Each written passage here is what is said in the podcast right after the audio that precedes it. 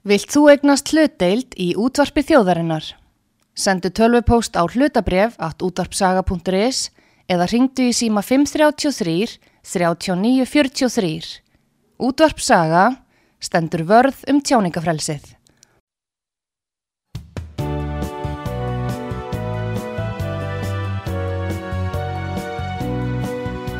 Sýteðis útvarpið á útvarpisögu í umsjón Arnþróðar Karlsdóttur.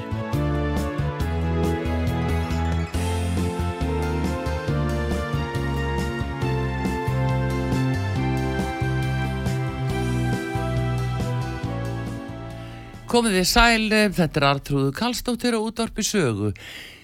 Það er komið til mín eh, Sigurður Ægjesson, eh, sóknaprestur á Siglufyrði og reytufundur en eh, hann var að skrifa bókina og gefa út bókina Völfur á Íslandi.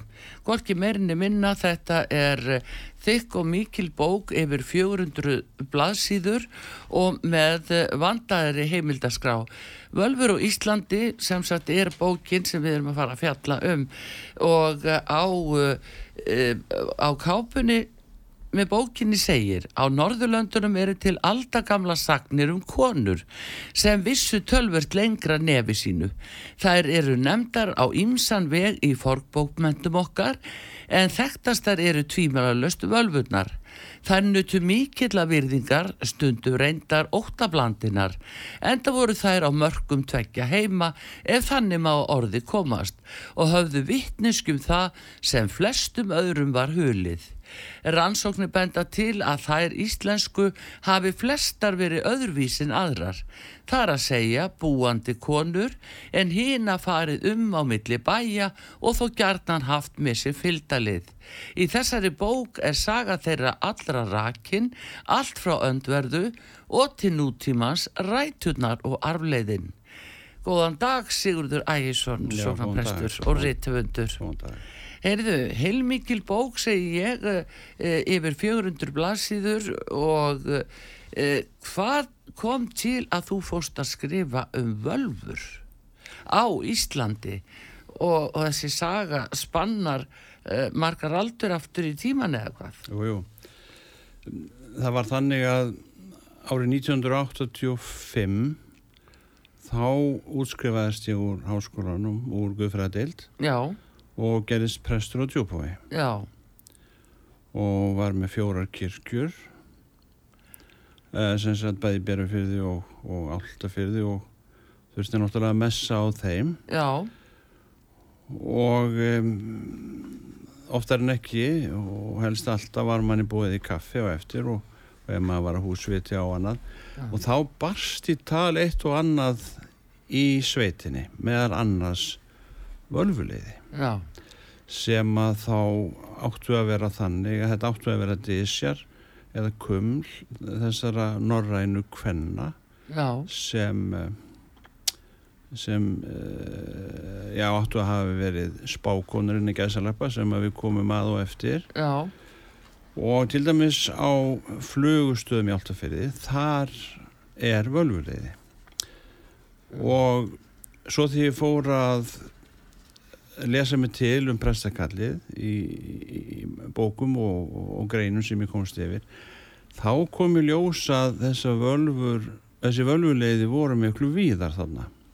Já, já, já. meðal annars út í papi og um, á, á geithellum og á hamri. Þetta var út um allt.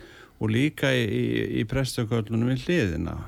Breitar, í Breital og og eins fyrir sunnan, Víkilóni og, og það sem að ég raun og veru kom mér af stað var þegar ég sá völvuleið í Vík í Lóni já.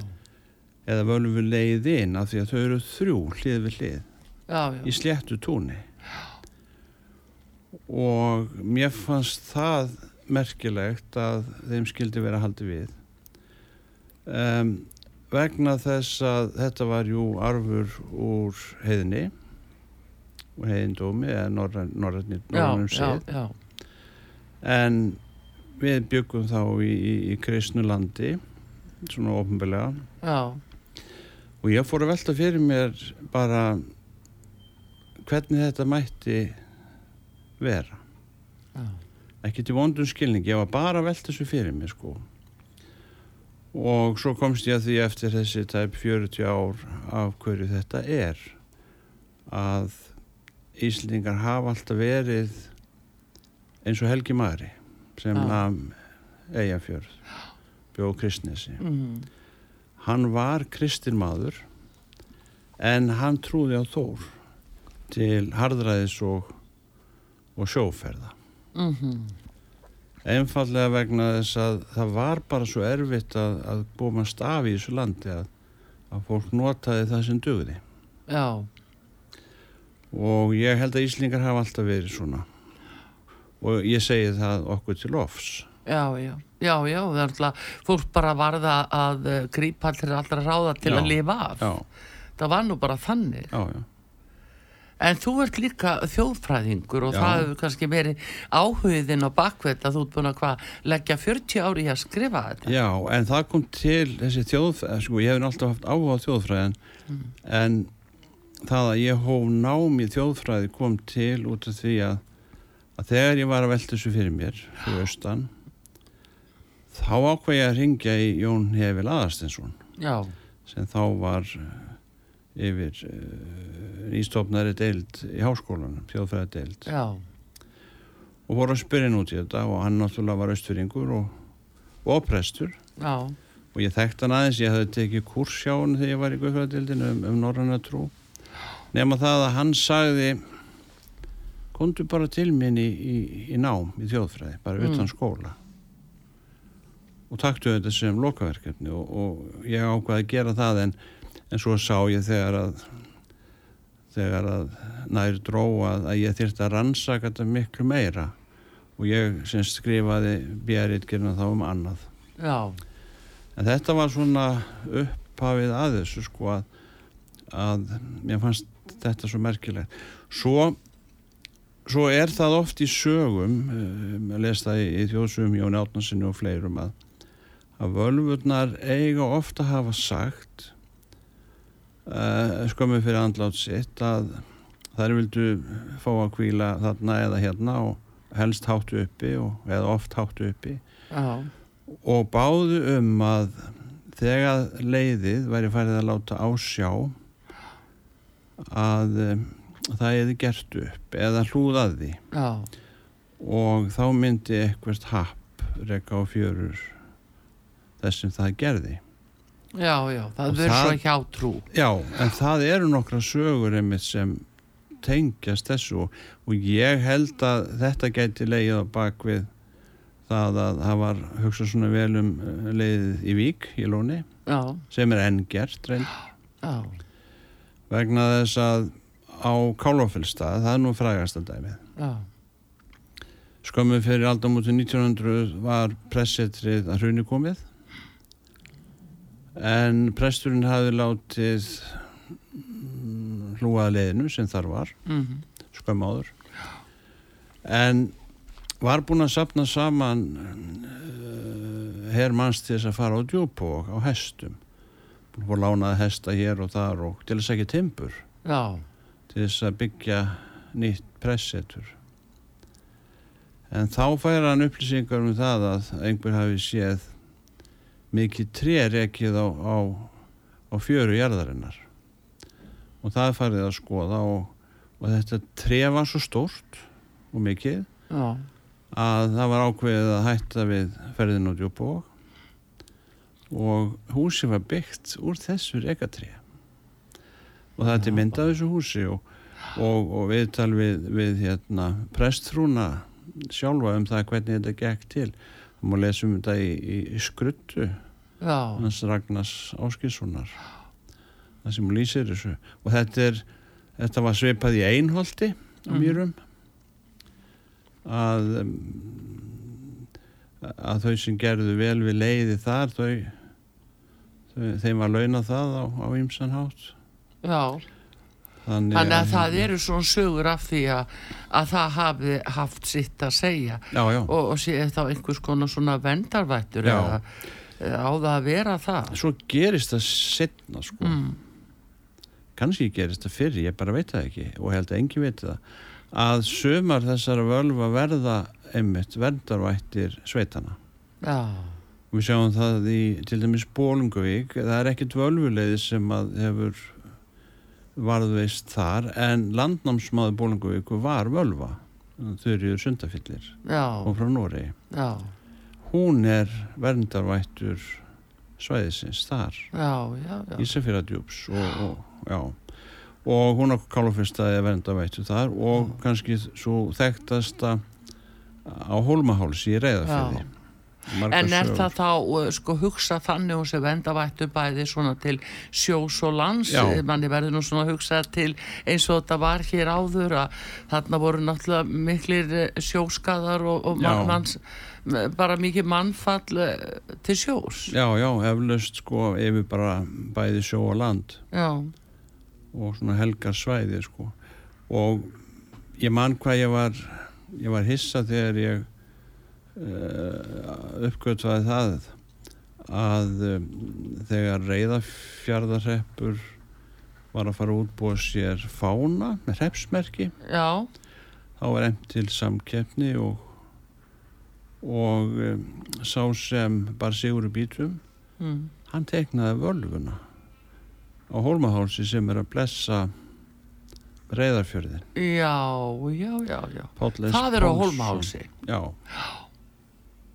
Það er eitthvað þekktasta völvulegi landsins nú um stundir Já, það eru tvö önnur þar líka, það er selja teigur og uh, já, og Berunes Berunes. Já, það er ekki eins þekkt. Nei, en eru sögur af því til dæmis að, eh, að uh, það, menn hafi talið sér njóta góðs að Hólmaháls að, að þarna hafi þeir fengið vend, er, er eitthvað svona, eitthvað skaði sem var í uppsiklingu en varði ekki. Já, Mann verið hugsað um snjóflóð og annað. já Í þessu tilviki var það þannig að það var sagt að þegar að Tyrkir eða allsýr búa fóru um hérna 1627 Já, þá er sagt að þeirra hefur ætlað að fara einræða fjörðin en, en völvan hafi aftrað því með því að já, það er ímis sagt að hún hafi Já. sendt þók út fjörðin eða óveður eða, eða, eða eitthvað já.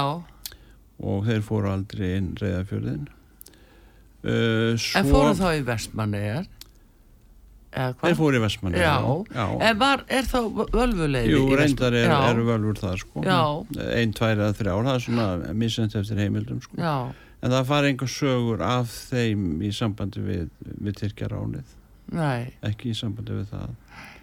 En eh, önnur saga nýrri tengist uh, völvunu Hólmahálsi. Já, uh, hún er úr setni heimstyrjöld já, já, og uh, fjallar um, um það þegar að þísk herrflugvel flög í, í fjall þarna út með fyrðinum og það er sagt að völvan hafi átt þátt í því að því að hún hún endaði á að vala hjalla eða, eða völu eða völvuhjalla sem Já. það er.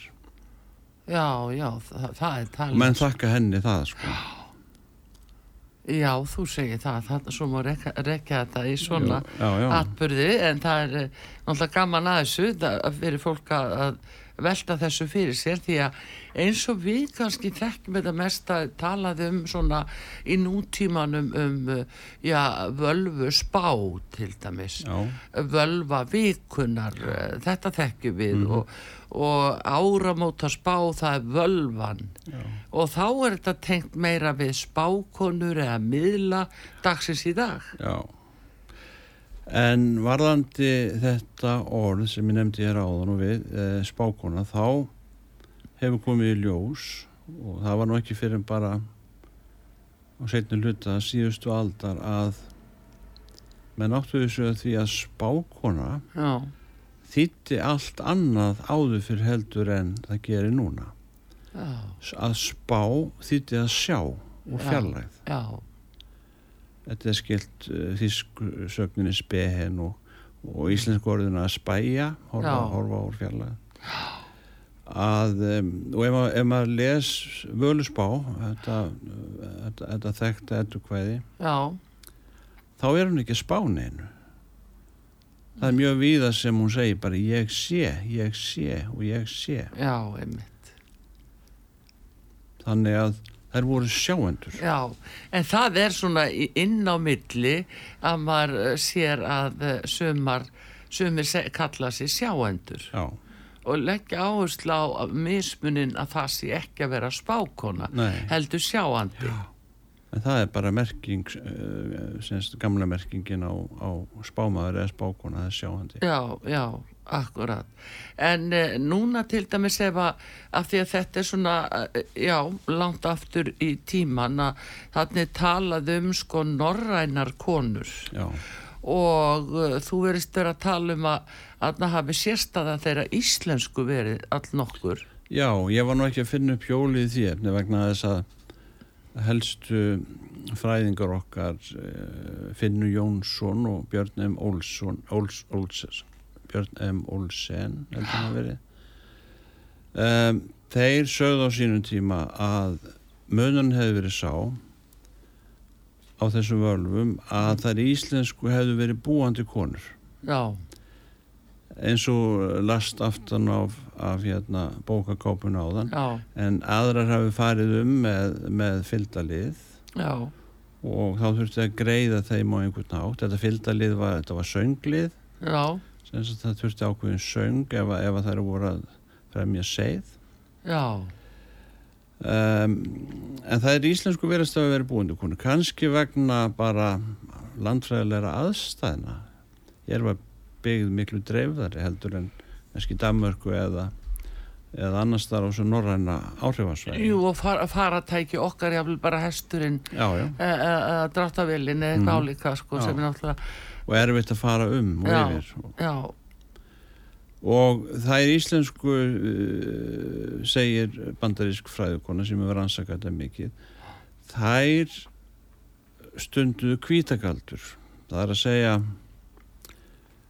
það er lögðu bara fólki lið með ymsum ráðum já bara styðja, Já, styðja stundu fólk. bara við fólk og hvort sem þær hafi notað lífgrös eða, eða hvað ein, ein heimildi sagði að þær hafi verið læknar og uh, meðan engi læknar voru hér aðri sko, þá, þá voru þetta bara uh, fjölvísar konu sem, sem bara komið til aðstóðar Já, og þess vegna held ég að þessi, þessi fallega mynd er að hafi varðveist í gegnum aldirnar allt til okkar daga. Já. Að það er, það er bara að þarna einmitt hafa sko jurtir það, við veitum það að jurtir voru notaður, fólk trúði því að ákveðna jurtir Já. hjálpuðu til lækninga, já, já. svo sannarlega.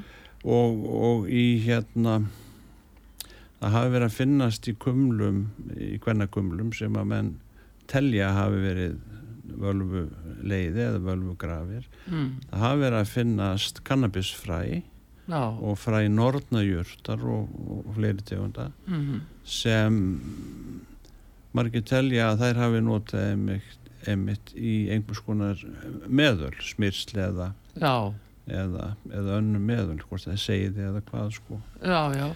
Og svo spurning hvort það hafi notað eitthvað meira í, í hugvíkandi tilgangi eða eitthvað, það bara vitum við ekki. Nei, nei, það, nei, nei, það er, það er nú svo það er en það er hins vegar svona að þessi sérstaða uh, þeirra íslensku.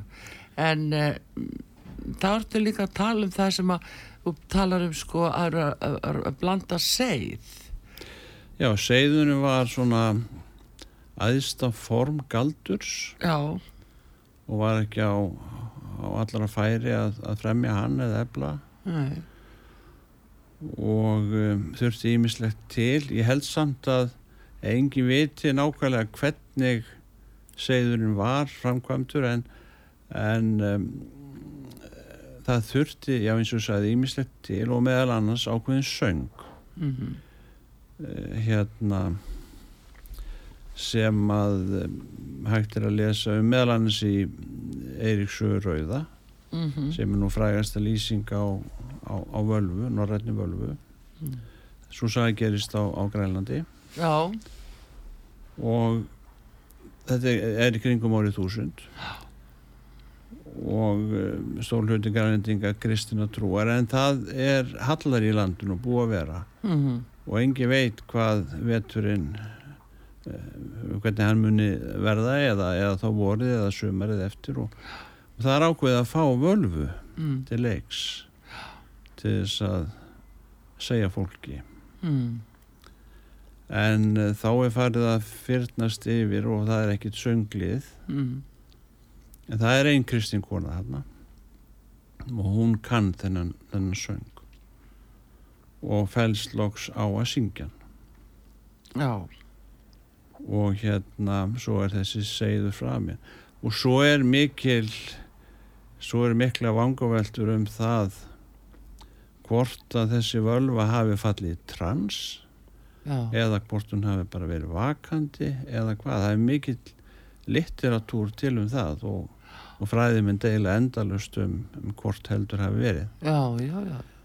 en mér finnst einhvern veginn þegar ég lesi þessa frásug að eins og fransku fræðumæður heldur fram, hann Dillmann sko, það kemur hverki fram í sögun að hún hafi e, fallið í trans eða, eða hristum á gólfinu eða eitthvað eins og eða leiði sem örend þar sko. Og svo þegar maður les uh, svipaða frásögn uh, úr nútímanum já. sem er uh, höfð eftir Völvu Suðunesja, henni unu í gardi, Já, þá finnst mér þetta vera sami hlutur. Hún segir eh, til dæmis, eh, ég er bara inn í eldhúsi og að gera eitthvað svo allt í hennu opnast bara eins og sé dreigið frá og Já, ég sé að horfa á bíómynd og, og ég sé bara hluti sem er að gerast annar staðar. Það er eins og bara vegginnir opnist og já, og ég tek dæmi mitt þegar að um það þegar að hérna, hún sá dóttur sína uh, á síld og siglufyrði já, og lísti nákvæmlega fyrir henni síðar hvað hún var að gera var að setja kartöflu verið pott minni mig og, og eitthvað Mm. svoleiði sko. Og um, þetta er þekkt víða um heim þessi gáfa og, og, og súlumenn í Afríku þeir kalla þetta að opna hlið fjarlæðarinnar sem sagt að það opnast eitthvað fyrir augun þeirra. Já, og mér sé Gústi Guðsma, ég skrifa hann um bókum Gústa og já. hann lýsir þessu Samturu einum stað textan við lægið? hvað séru? Samturu textan? Nei, ég reyndar við- ekki en hérna hann lýsir þessu á einu stað þegar hann er að byggja þá bara opnist allt og hann, hann horfi á fólkið í Afríku eða hvað sem þetta er sem hann er að byggja fyrir Já, þannig að þetta verðist leynast með bæði körlum og konum mhm, og, en þessir arftakar völvana vil ég meina að, að þessa arftakar sé að finna sem sagt á í, í nútímanum. Ég endar endar á þremur konum nefnið þrjár sem að mér finnst eiga heima þarna. Já, það er einmitt unna í gardi mhm, og Margrét Tollasjús frá Öxnafelli Efirði og Erla Stefánsdóttir sem var nú sögð skygnasta kona heims já, það er nefnilega það er merkilega konur, já, sannarlega. sjáendur En uh, þegar þú talar um þetta og talar um Gústa Guðsmann, mm. uh, Sigurður, það er nú bara vel við hæfi að fá að heyra það lag sem að hann Gilvi Ægisson flyttur og, og hljómsveit, það hefur nú verið, þetta er nú eitt af bara vinsalstu lögum fyrir tíma já, og fyrst að það er nú svona saga á bakvið þetta sem kannski ekki allir átt að segja á. já. Það er vel við hæfi að fá að heyra Gústa Guðsmann eh, fluttan af Gilva Ægisinni. mér list vel á það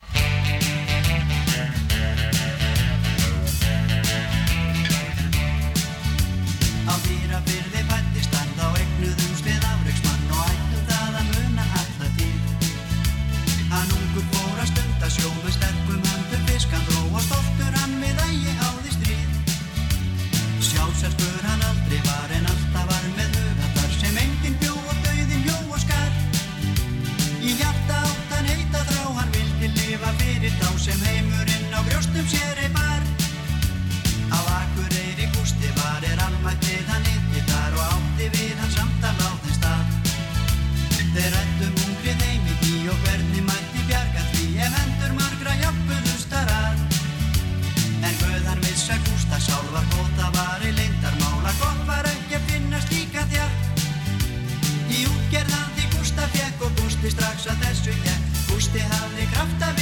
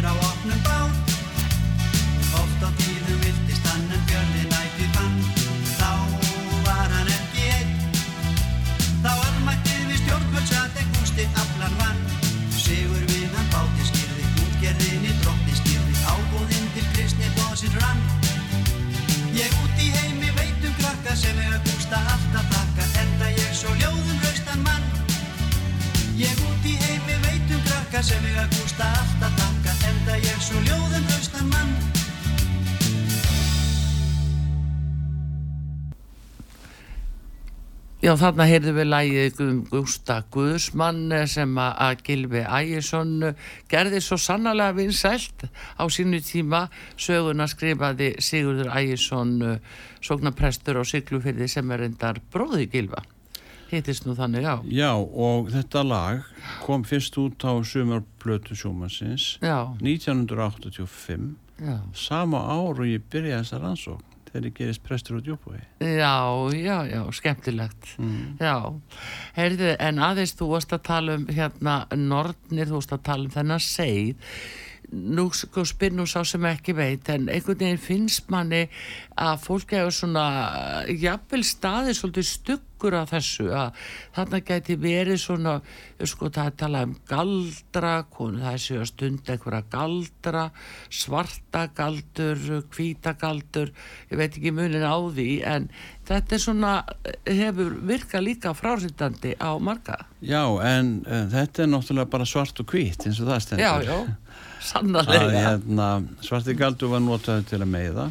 Já, en hvíti galdur var notaði til að aðstóða já, og, og þeir sem eru að greina þetta sko, þeir segja að atferðli okkar prestina þegar við erum að blessa eða signa yfir sem sagt, eh, gera krossmark mm. að þeir segja að það sé hvíti galdur.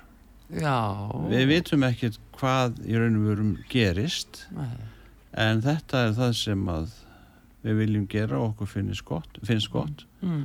að segna yfir fólk og þetta er hvítigaldur, þetta er bara gott dæmi um hvítigaldur já, og þetta er eitthvað svipað því sem að völvutna stóðu fyrir. Það er það voru ekki skada fólk þessar íslensku nei. heldur voru þær að aðstóða Já, já, en þessi svartigaldu var það þá meira, þetta er nú kannski alveg 16. til 18. aldar, er, Já, sko, var síða- það meira þá á Norðurlöndunum hjá völvónum þar? Nei, síðan gerist það sko, ef, eflaust hafa, það er alltaf undirtekninga frá öllu sko Já, og eflaust sko og það er náttúrulega dæmi um það að völfur uh, á sama tíma og við vorum að lýsa hafi, hafi stund að svartakaldur já, en sko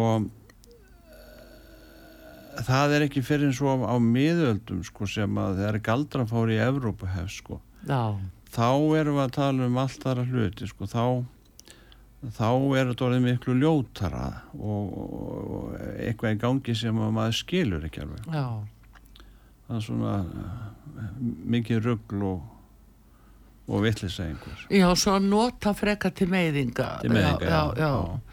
Og Já, já, svo var náttúrulega logið upp á fólk líka, þetta var náttúrulega notaði pólitískum tilgangi þá sko að, já, já, að einhver vildi komast yfir þessa jörðaði hinn og þá var bara sagt að sá eða svo væri eitthvað, eitthvað misjátt sko. Já, þannig að það er alveg vitað. En, en hérna þessi tími sem að sem að ég hef var aðalega að skoða sko, það er þessi Mhm. landnámsöld hér og, og upp úr því. Já, og þessi áhugi Íslendinga lengi alveg, ég menna þeir eru að skrifa Íslendingasögur sko bara þá er, þá er þjóðin honni kristin en, en að nafninu til sko. að nafninu til. En svo þjóðveldisöldin til dæmis. Já, þetta er þjóðvöldsöldin sko. þarna, já, já, það er auðvitað þó að menn hafi nú reynda sko klófið mann og annan í herða niður Já, já, allar það áfram og Já, allar þær sögur, þetta er náttúrulega bara svo vilt að vesti ef að þess, þetta er lesið Já, já, en þessi bandaríska kona mm. Katrín Morris, hún, hún vil meina mm.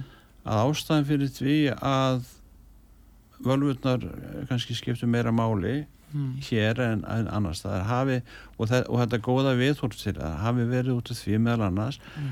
að kristnin kom svo snögglega engað menn voru ennþá sko heiðnir. Menn Já. voru ennþá menn voru ekki sko kristnir innst inni heldur var þetta bara boðvald. Já, við skulum vera kristnir.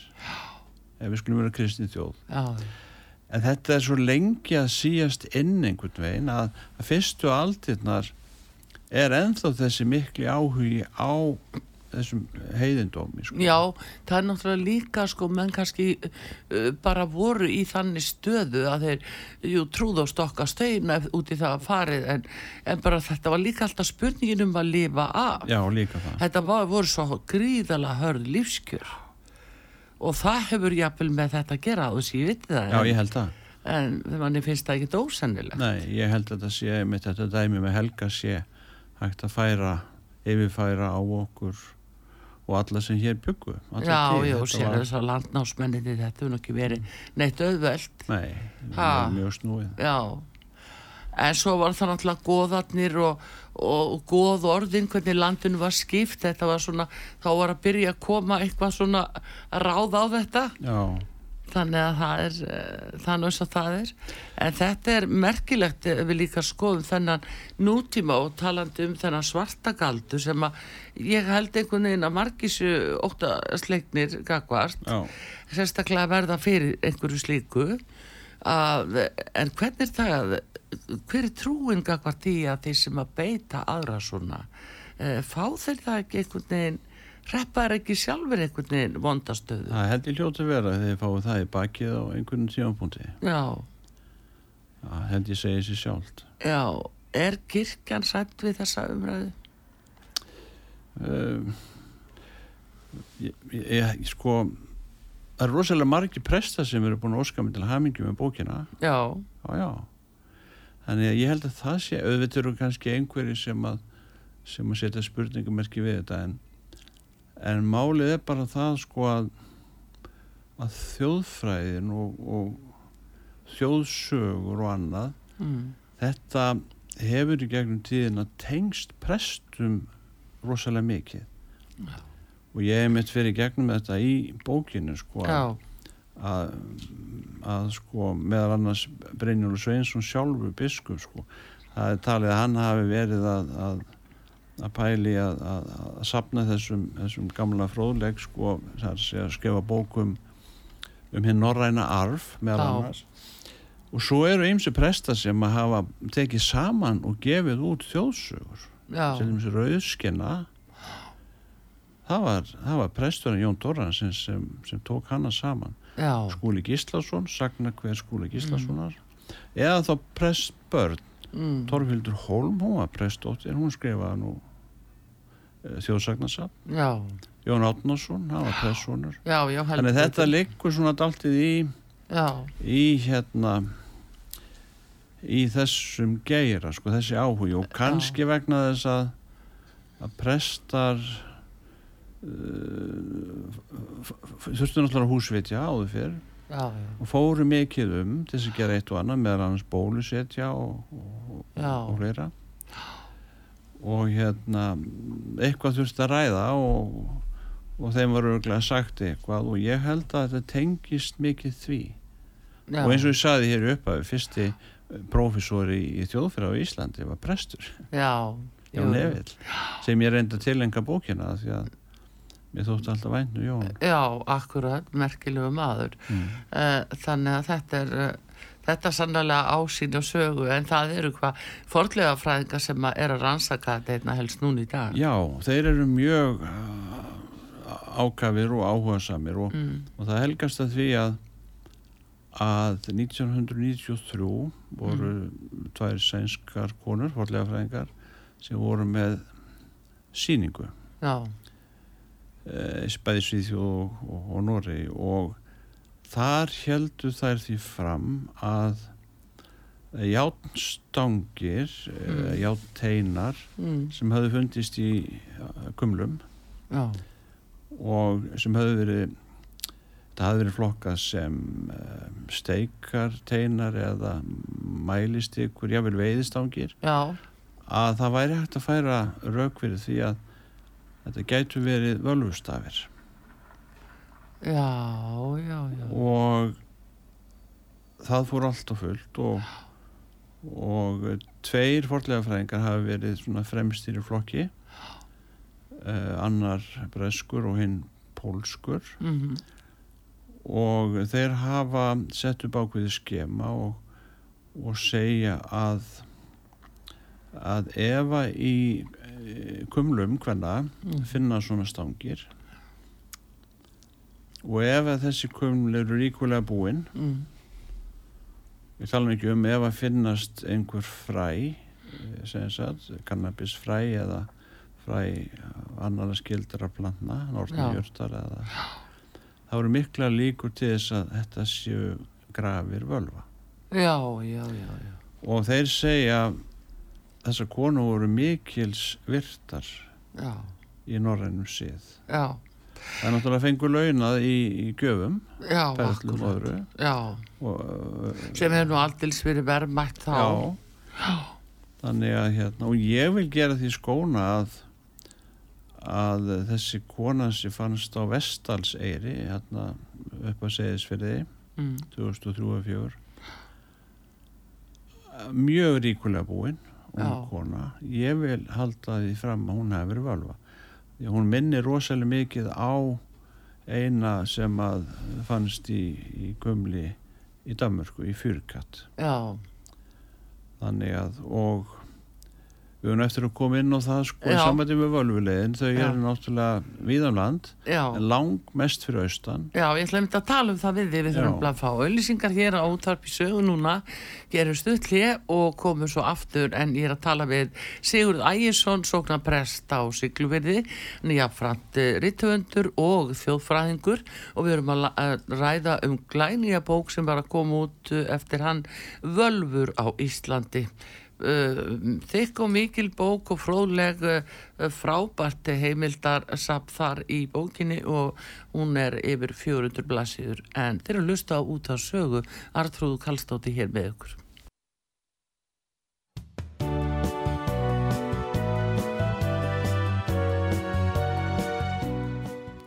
Komið þið sæl aftur, ég er að ræða um bókina Völfur á Íslandi eftir Sigurð Ægjesson, sóknaprest á Siglufyrði sem er jáfnframtrið töfundur, þetta er 11. bókin sem hann uh, gefur frá sér og hann er jáfnframt uh, þjóðfræðingur og við erum að ræða um völvunar hér uh, bæði frá landnámsöld, þjóðveldisöld og, og eiginlega til dagsins í dag Sigurðu, það er einmitt eh, sko rétt að nefna þú ætlaði nú að lesa eitthvað úr bókinni svona okkur til skemmtunar Já. en mér langar einmitt að koma inn á þessi völvu leiði af því að einhvern veginn finnst manni svona núna í dag að eitthvað svo lítið um þetta talað og þó að þetta sé þessi, já, segjum gamla hjátrú að eins og fyrir austan, nú varst að segja frá reyðafyrði og, og vík og annað þannig að, þarna kannski lifir þetta svolítið í þögninni Já, þetta, þetta lifir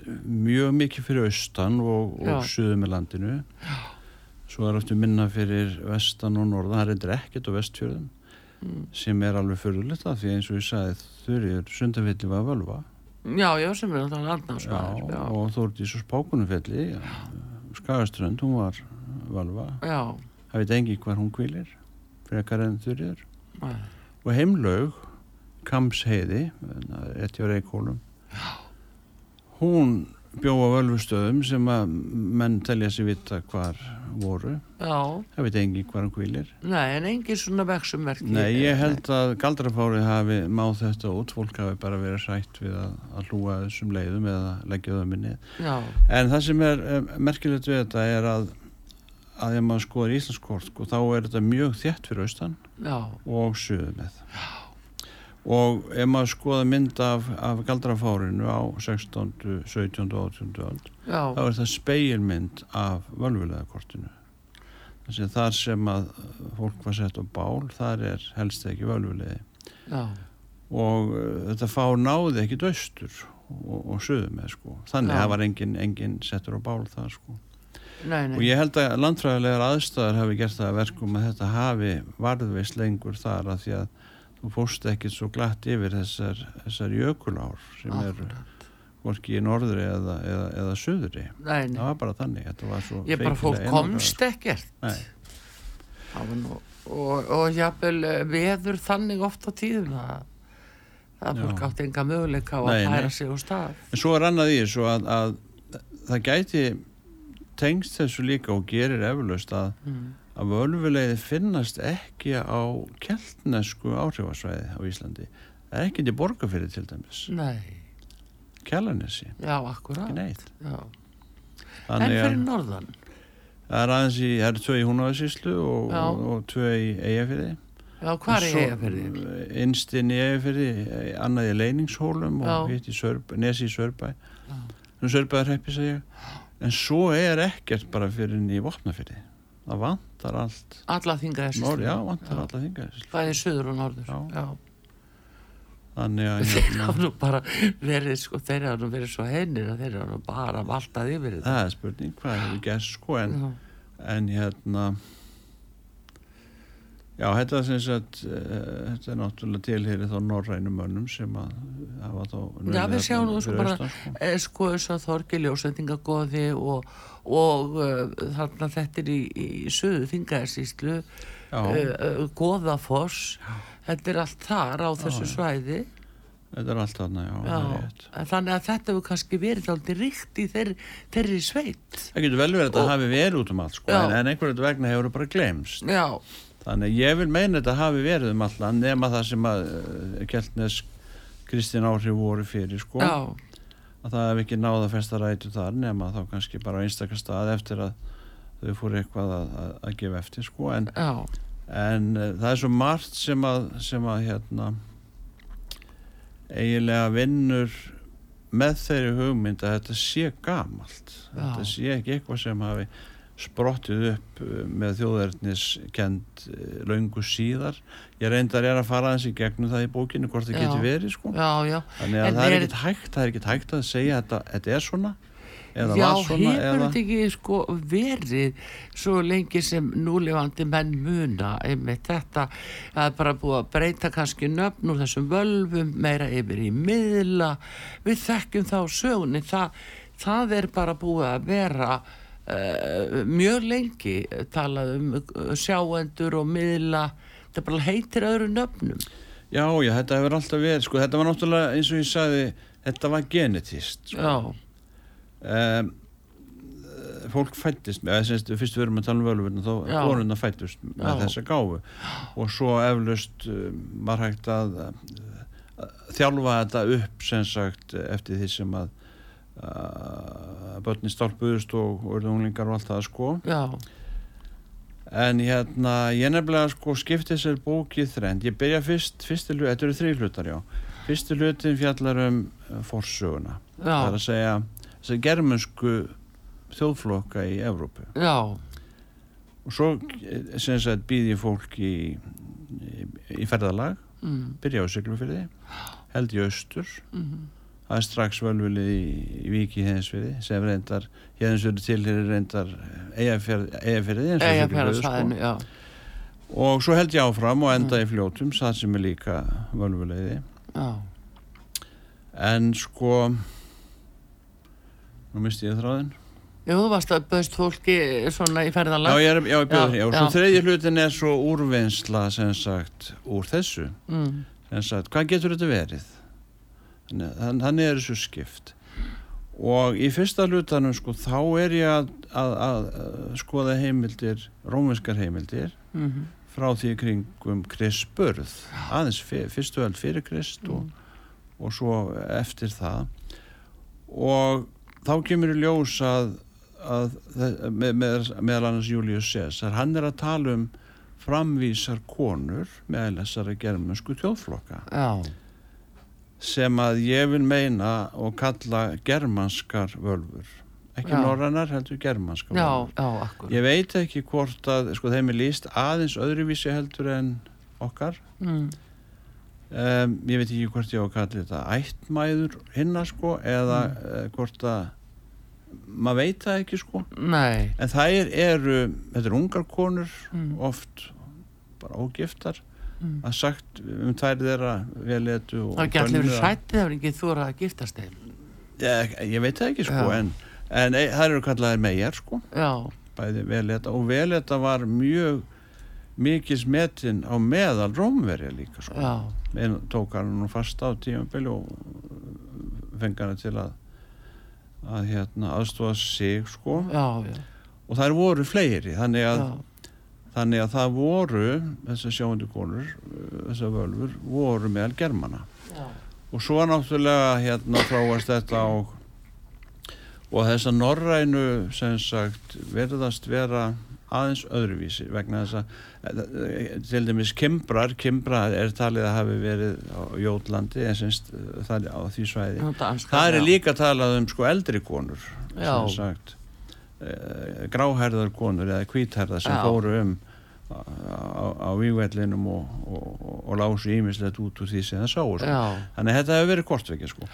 En sem sagt, þessi hugmynd um að völfur hafi bara verið gamlar, hún er ekki rétt. nei, akkurat. Nei, ég heyri það. En hvað voru margar íslenskar, eða hvað er vitaði margar sem völvuleiði á Íslandi? Millir 60 og 70 völfulið eru skráði í, í, í réttheimildum. Já, Það er ekki hægt að segja nákvæmlega vegna þess að eins og við sagði einhvern tíma áðan að í Vestmannum eru heimildur um eh, í ofanleiti að, að, að, að sé ein völva tvær eða þrjár. Það er bara fyrir eftir eitthvað heimild maður skoðar. akkurat. Þannig að, en staðirnir eru rúmlega 60 Mm og nokkrum öðrum stöðum eiga að vera tvær eða þrjár sem Mhm. sagt undir en ástæðan fyrir því að, að kápa bókarinnar er með ungri konu Já, sem er að horfa yfir svæði mm er einmitt út af þessu að, að þetta var genetíst mm. og þær, þær, þeim er oft líst þannig sérstaklega þegar uh, hérna, frömdu seið að þær þurftu að vera upp á einhverju hæ- upphækun palli já, hjalli eða einhvers þar hátt uppi. Annarkort til þess að horfa yfir tákgrænt Mm. eða maður veit það ekki sko næ, nei. en, en, en, en kápumyndin er gerð með þetta í huga sko. Já, tákgrænt. já, það er verið að sína að þetta voru ekki bara gamla konur sem en auðvitað urðu suma gamlar eins og, jú, jú, jú. eins og svo sem ég var að segja frá uh, úr Eiríksöðu Rauða Mhm, hún var orðin gömul og hún hafði átt átta systur mm. sem alla voru völfur en, en voru, voru dánar Já, já, já. Að- Það er nú það. Heyrðu, en þú ætlar að lesa aðeins úr uh, bókinni Sigurður. Já, Leif okkur að aðeins að heyra eitthvað skemmtilegt. Já, og uh, þú mútt bara byrja í rauninni núna því að ég sé að tímin okkar hann æðir áfram. Og uh, það er nú bara gaman að fá að heyra aðeins sínisotn að þessari fallu og myndskreittu bóku um ljósmyndir uh, hver annari eða fallegri sem eru uh, hérna teknar bæði af þér Sigurður og, og Mikael eh, Sigursinni og Þóri Níels Kjartansinni og þannig að eh, það er gaman að, að fara í gegnum þetta og glöggva sér svona á landinu líka og hvernig þessi skipting er. En ertu með hérna eh, einhvern kapla eða hluta? Já, ég var að hugsa um að lesa það sem að ég skrifaði um Hólmaháls og leiði þar. Já, við reyðafjörð Já, þetta Já. er eins og ég sagði, þetta er merkilegasta, eða þekktasta leiði nú um stundir. Já, Áður var það, áður var það Fell í Myrdal, já, sem að minnst er á Jæfisu Jón Stengrimssonar já, og svo var líka mjög þekkt í Leiningshólum, Jónas Hallgrímsson rannsakaði það mjög mikið. já, Uh, það er rúnasteinn á því. En þetta er hól, hól, hólmaháls í reyðarfyrði og ég ætla að lesa þetta hér segir. Á hólmahálsi milli Eskifjörðar og reyðarfjörðar er þekktasta völvulegi landsins nú um stundir mm. og hefur reynda verið það nokkuð lengi ekki síst vegna tildurulegra gamalla og nákvæmra frásagnar sem tengjast því.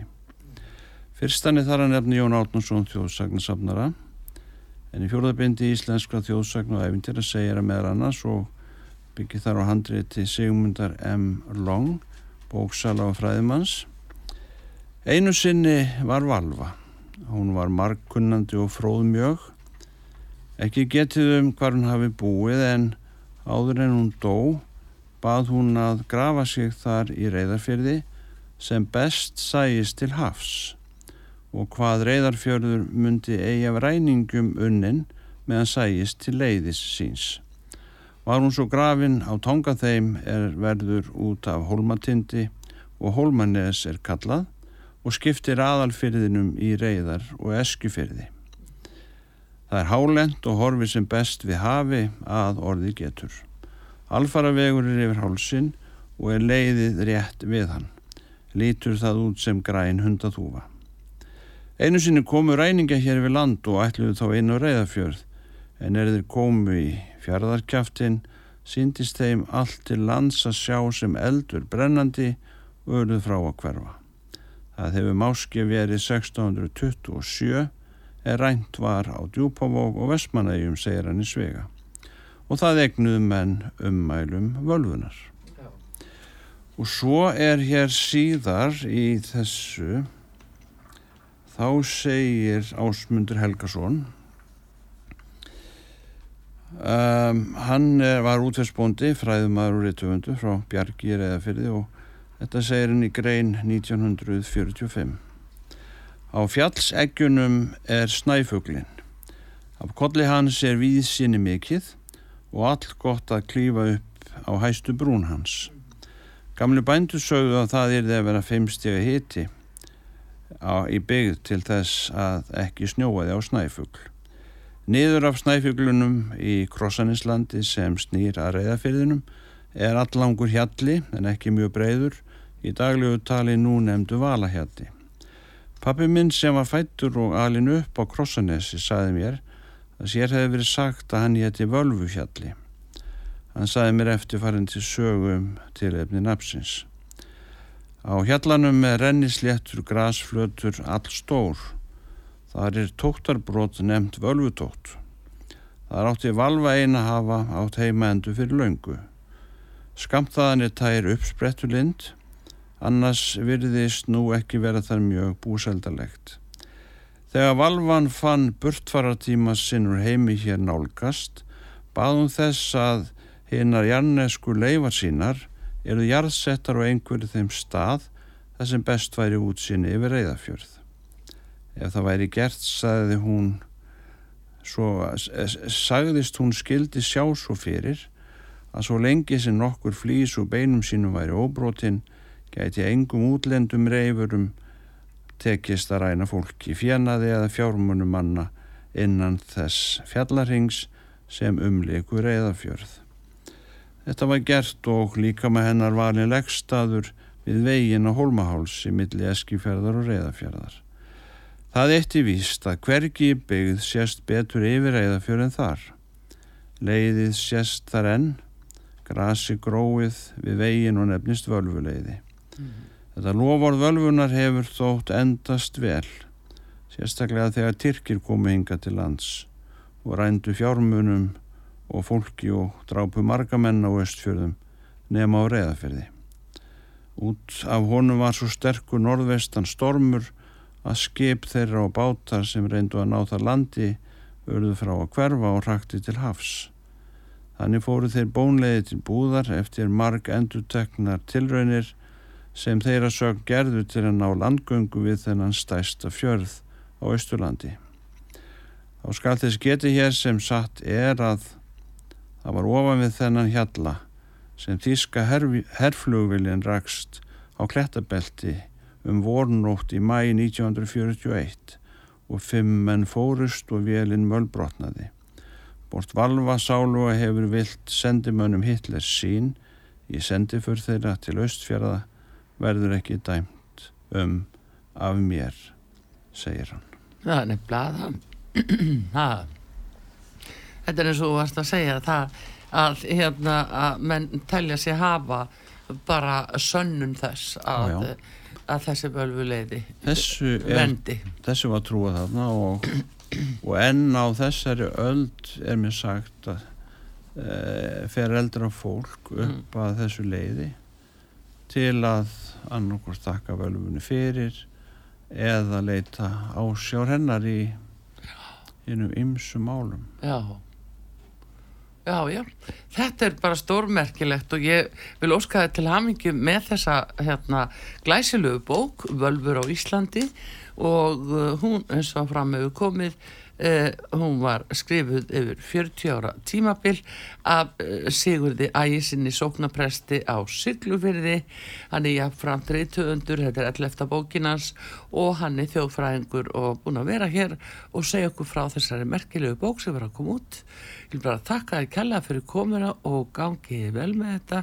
Eitthvað að síðustu sem að segja gerna við presta.